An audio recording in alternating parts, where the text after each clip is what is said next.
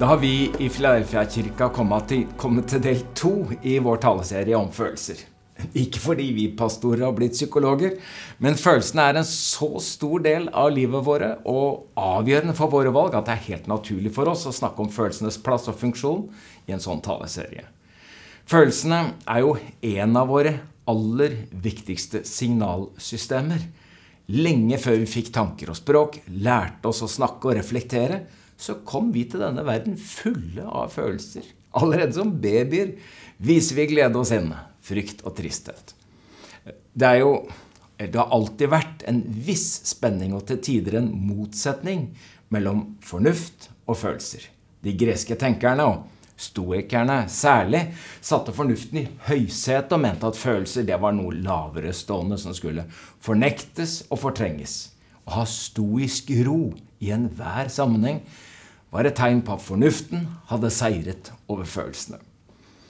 I dag befinner vi oss kanskje i den helt andre enden av skalaen. Vi nærmest dyrker følelsene våre og setter dem i høysetet, slik at de får definere vår identitet og legitimere våre valg og reaksjoner på godt og vondt.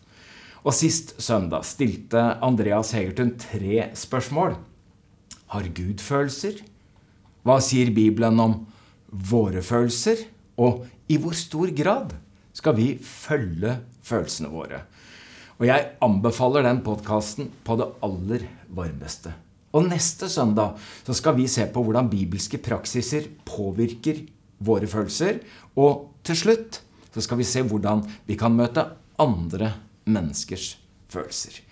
Mitt tema i dag det er hvordan håndtere følelser. Ikke mindre enn det.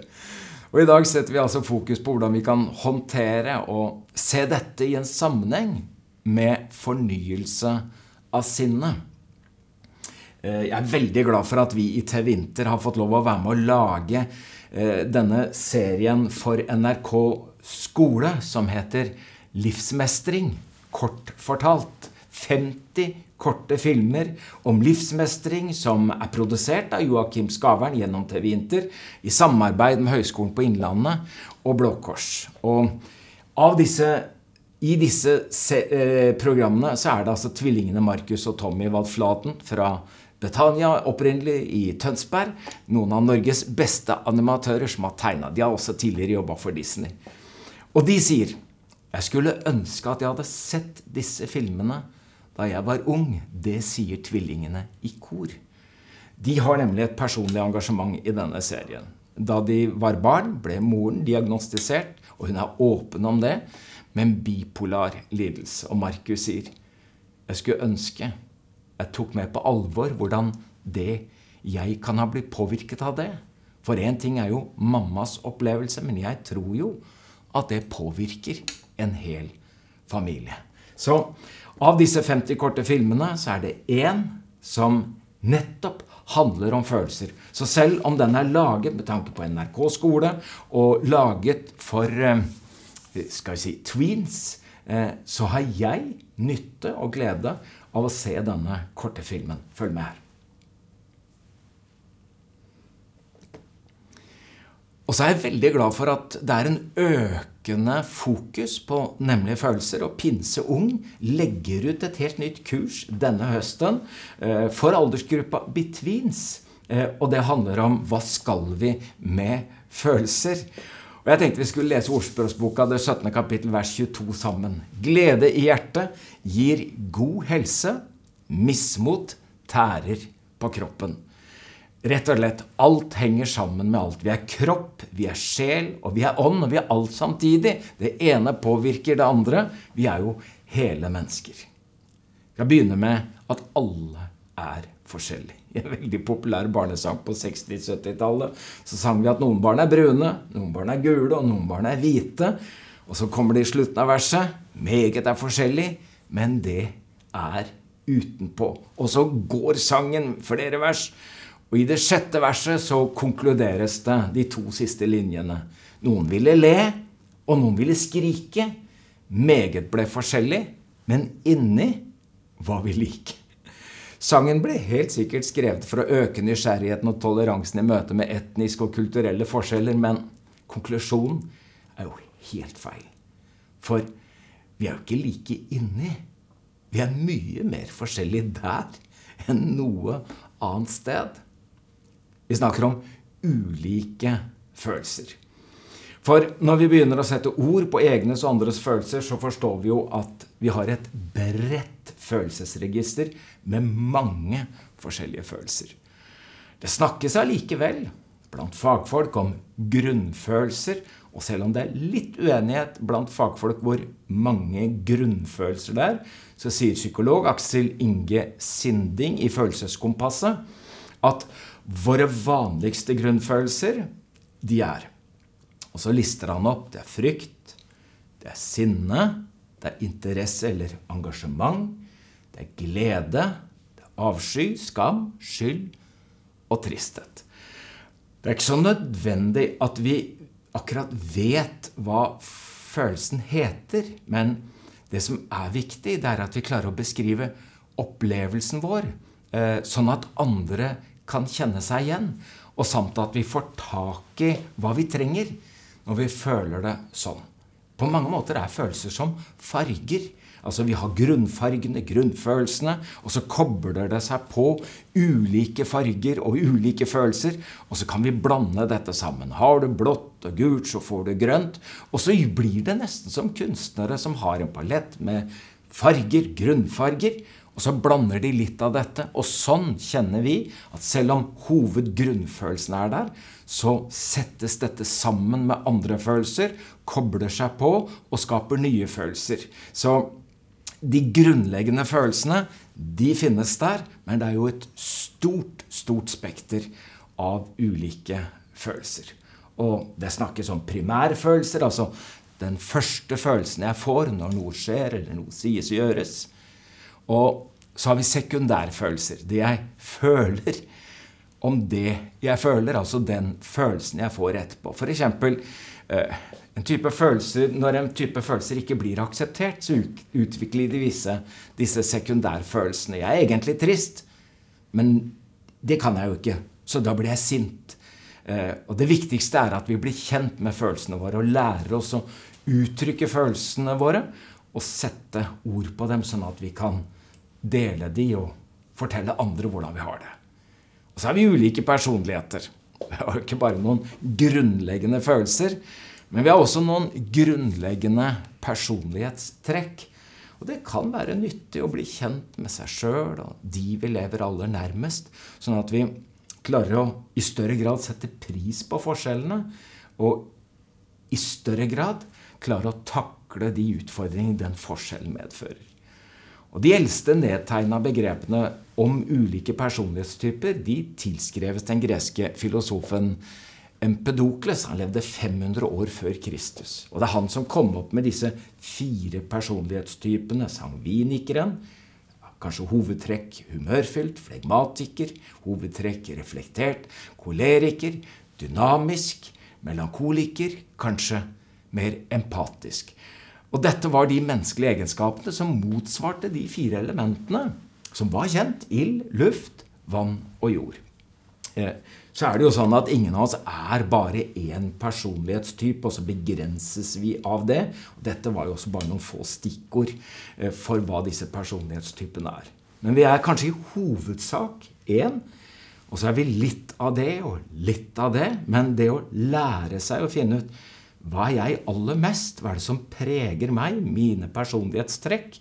Og hva preger de som jeg lever nærmest med til daglig? Og i dag så er det jo av disse fire nesten bare ordet melankoli eh, som er brukt. Og jeg syns det er noe vakkert med, med Edvard Munchs maleri. For hvis vi tenker at følelser også kan være farger, så er det akkurat det kunstnere gjør. Legger farger. Og han har laget dette maleriet Melankoli som preges av den fargen han tenker er melankoli. Og så er det introvert og ekstrovert. og Det er kanskje langs med den linja der de aller fleste av oss befinner oss. Eh, eh, noen tenker at man er enten det ene eller det andre, men de fleste av oss er vel kanskje et eller annet sted midt i, eller er preget av begge deler. Og så fins det noen ytterkanter, eh, som er ekstremvariantene. Helt ute på ekstrovert og helt ute på introvert. Det hjalp meg faktisk når jeg sjøl eh, forsto og oppdaget at, eh, at jeg er nok en utadvendt, introvert person. Eh, jeg er ganske god i møte med folk.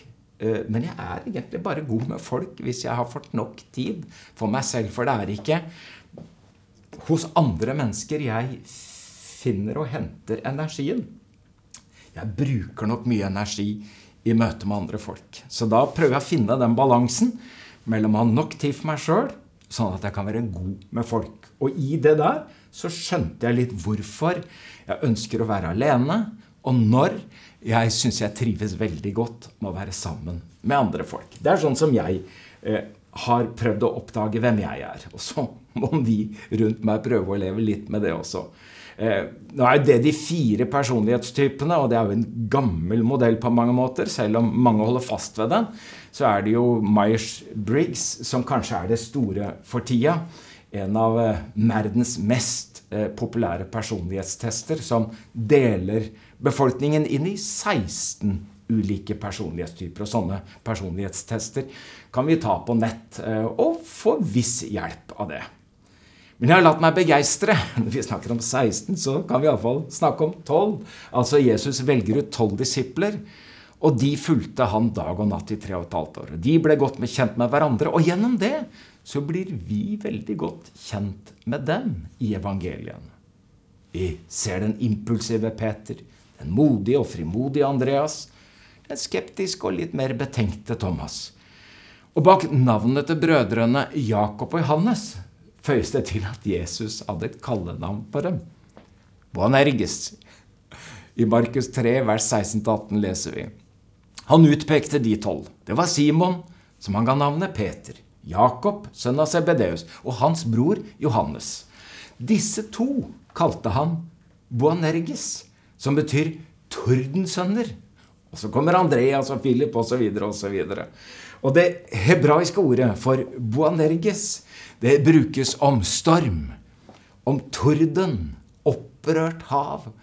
Og, i Jesu følge så var det altså plass til to temperamentsfulle brødre som Jesus kalte tordensønner. I dag han kanskje sagt at det der er gutta krutt. Da kjenner vi oss litt igjen, og så kjenner vi Tenk at Jesus har plass for oss. Han har bruk for oss. Og av og til så trenger han én type spesielt til helt spesielle oppdrag. Men tolv alminnelige mennesker som vi kan lære å kjenne oss igjen i, både i styrke og svakhet, for Gud har bruk for ulike personlighetstyper. Og det ønsker vi også som lokal kirke i Flaufra. At vi ikke bare er, består av én personlighetstype som trives, men at vi ser eh, verdien og eh, viktigheten av variasjonen både i personlighetstyper og personlighetstrekk. Og så kommer vi fra litt ulike kulturer. Nordmenn generelt er jo ikke akkurat kjent for å ha følelsene på utsida. Vi skal jo komme oss gjennom en kald og lang vinter, så det er kanskje ikke så rart at vi er litt redde for å åpne opp eh, av frykt for å slippe ut varmen. Det kan ikke være veldig lett å komme til Norge eh, hvis du kommer fra Syd-Amerika eller Syd-Europa, eller som jeg tror det var en latinamerikansk dame som sa 'Hva er det med dere nordmenn'? Dere gråter jo ikke når dere sørger. Og dere er jo ikke sinte når dere blir provosert. Hvor gjør dere av følelsene deres? Hva er det med dere nordmenn? Og det kan hende at vi er mer lik disse stoikerne enn det vi liker å tenke på. For det er nesten ingen arenaer hvor det er legitimt i stor grad å slippe følelsene løs. Nå er det jo snart bare idrettsarenaer og skal vi si, partysteder hvor det er lov, og da blir liksom rusmiddelet nærmest en slags unnskyldning eller legitimering når folk slipper følelsene løs. Og det kan jo hende at vi nordmenn som kultur, eh, litt sånn kollektivt, har eh, et slags undertrykk av følelser. Så jeg, synes, jeg er glad for at vi ser at Jesus kaller tolv disipler med forskjellige følelser. Eh, og vi ser at Jesus uttrykker forskjellige følelser. Eh, også når vi snakker i dag om å håndtere følelser, så er jeg jo redd for at vi hører det som om hvordan kan vi legge lokk på, hvordan kan vi skjule, eller hvordan kan vi undertrykke følelsene våre. Og det er vi jo kanskje ganske gode på, men fokuset i dag det er mer hvordan vi kan uttrykke både glede og begeistring og sinne og sorg. Og i det så har vi jo enormt mye å lære av Jesus. Han handlet aldri i affekt, men han opptrådde heller aldri med stoisk ro i enhver situasjon. Snarere tvert imot. Han uttrykte følelsene sine. Som da foreldrene bar barna sine til han og ville at han skulle røre ved dem. Da står det i Markus 10 De bar små barn til ham for at han skulle røre ved dem, men disiplene viste dem bort. Og da Jesus så det, ble han sint og sa til dem La de små barna komme til meg, og hindre dem ikke, for Guds rik hører slike til som dem. Og det må ha gjort inntrykk på foreldre og barn at Jesus i full offentlighet ikke ble sint på dem, men på disiplene sine. På deres vegne. Og når vi følger Jesus opp til tempelplassen, hvor han over lang tid har fulgt de religiøse lederne og sett hvordan de var korrupte og utnyttet de fattige pilegrimene som kom til Jerusalem for å ofre og tilbe, da ble han så sint at han veltet pengevekslernes bord og duehandlernes benker og sa mitt hus, det skal kalles bønnens hus for alle folk. Men dere, dere har gjort det til en røverhul, sa Jesus. Så Jesus var ikke redd for å eksponere følelsene sine.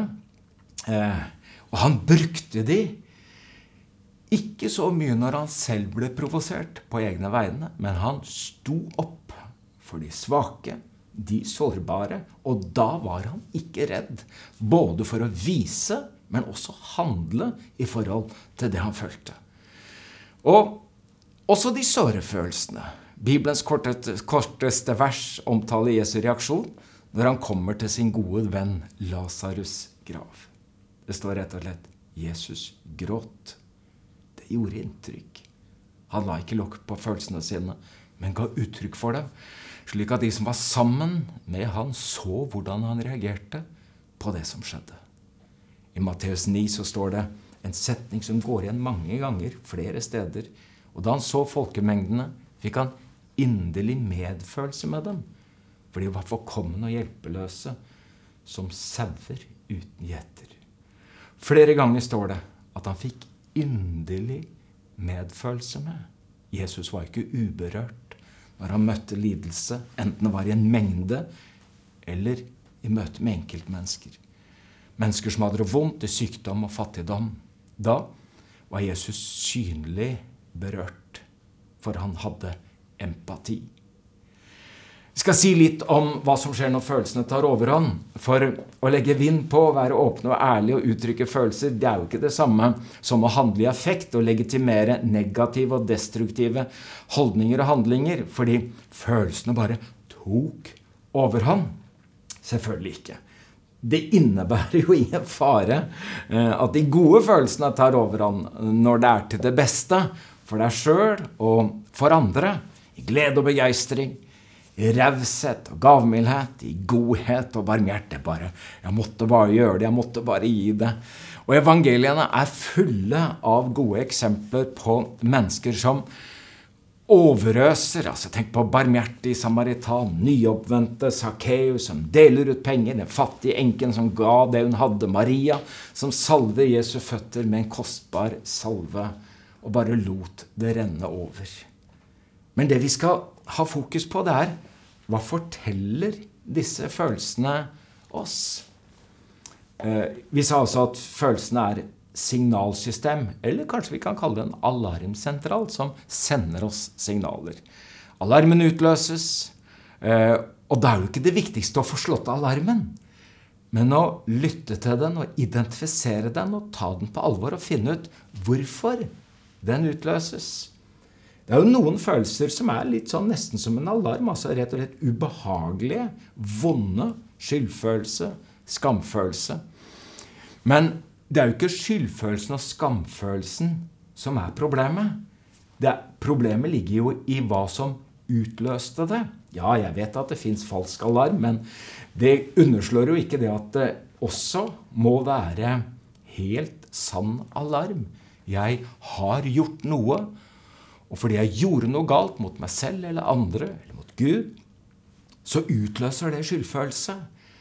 Og det skal da føre til handling, oppgjør, be om unnskyldning, om tilgivelse, gjøre opp hvis det er mulig. Samme med skamfølelse. Det er jo ikke skamfølelse som er problemet, det er jo på en måte bare alarmen. Men den skal varsle meg om at jeg nå har gått over mine egne eller andres grenser.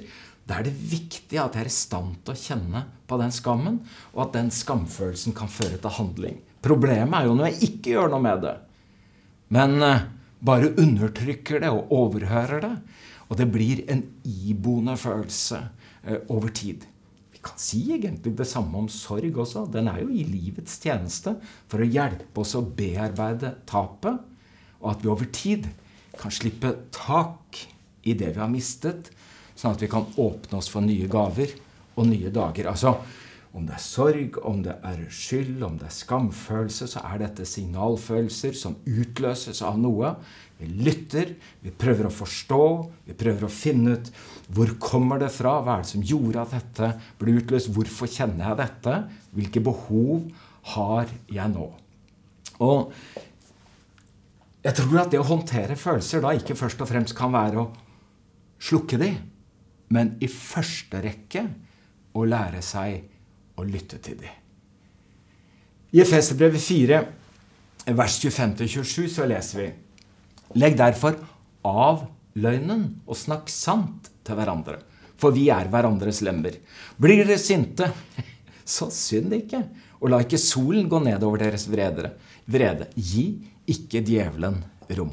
Ja da, vi blir sinte, men eh, ikke la det vare. Og han skriver ikke la solen gå ned over din vrede. Gi rom for vreden, gi rom for temperamentet, men ikke la det ødelegge deg selv eller andre.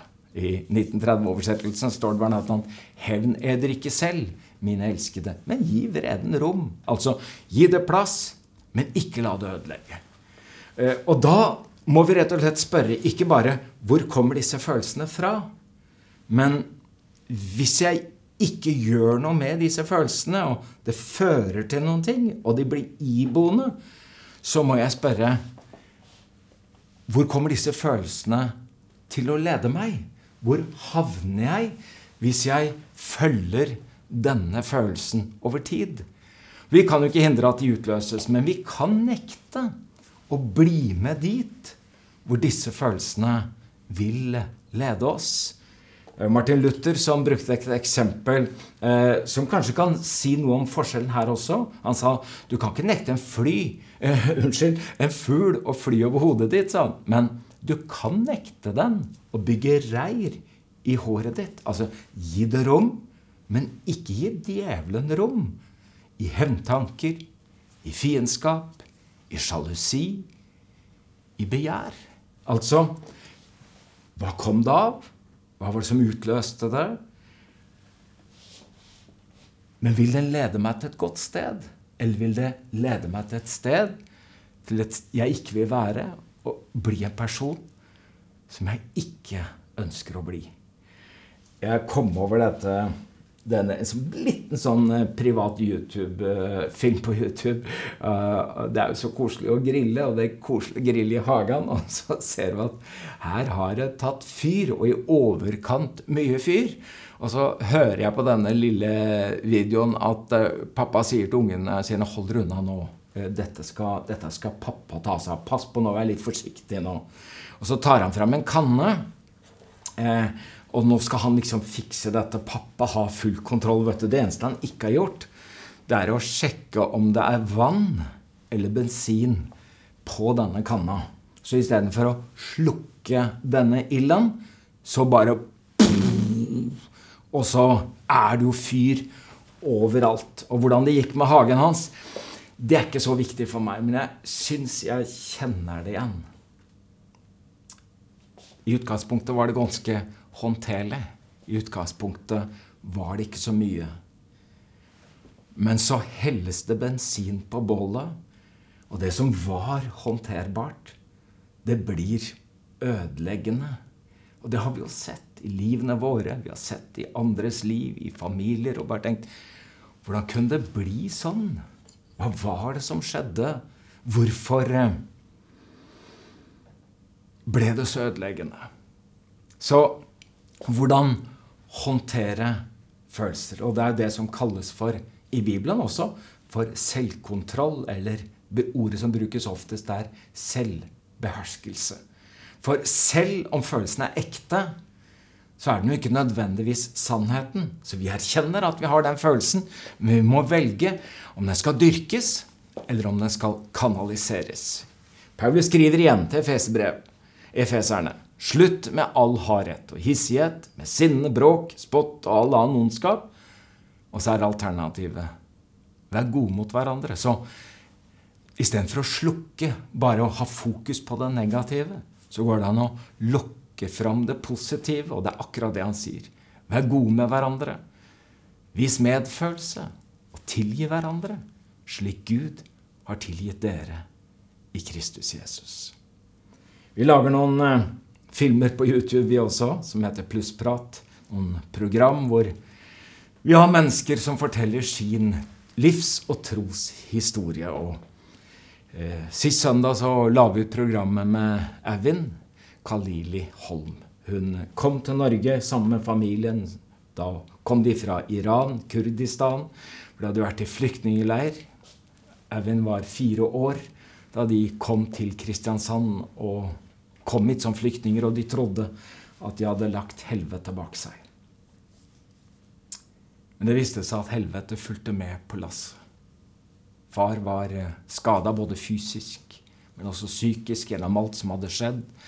Det ble mye alkohol, og han var eh, ganske uberegnelig og til tider voldelig. Og ved et tilfelle så truer han også med å drepe Evin. Å høre Evin fortelle om dette, så er det sånn Hvis hun hadde vært hard som stein, så hadde jeg skjønt det. Hadde hun vært kald som is, så hadde jeg skjønt det. Men han er jo varm. Og hun er myk.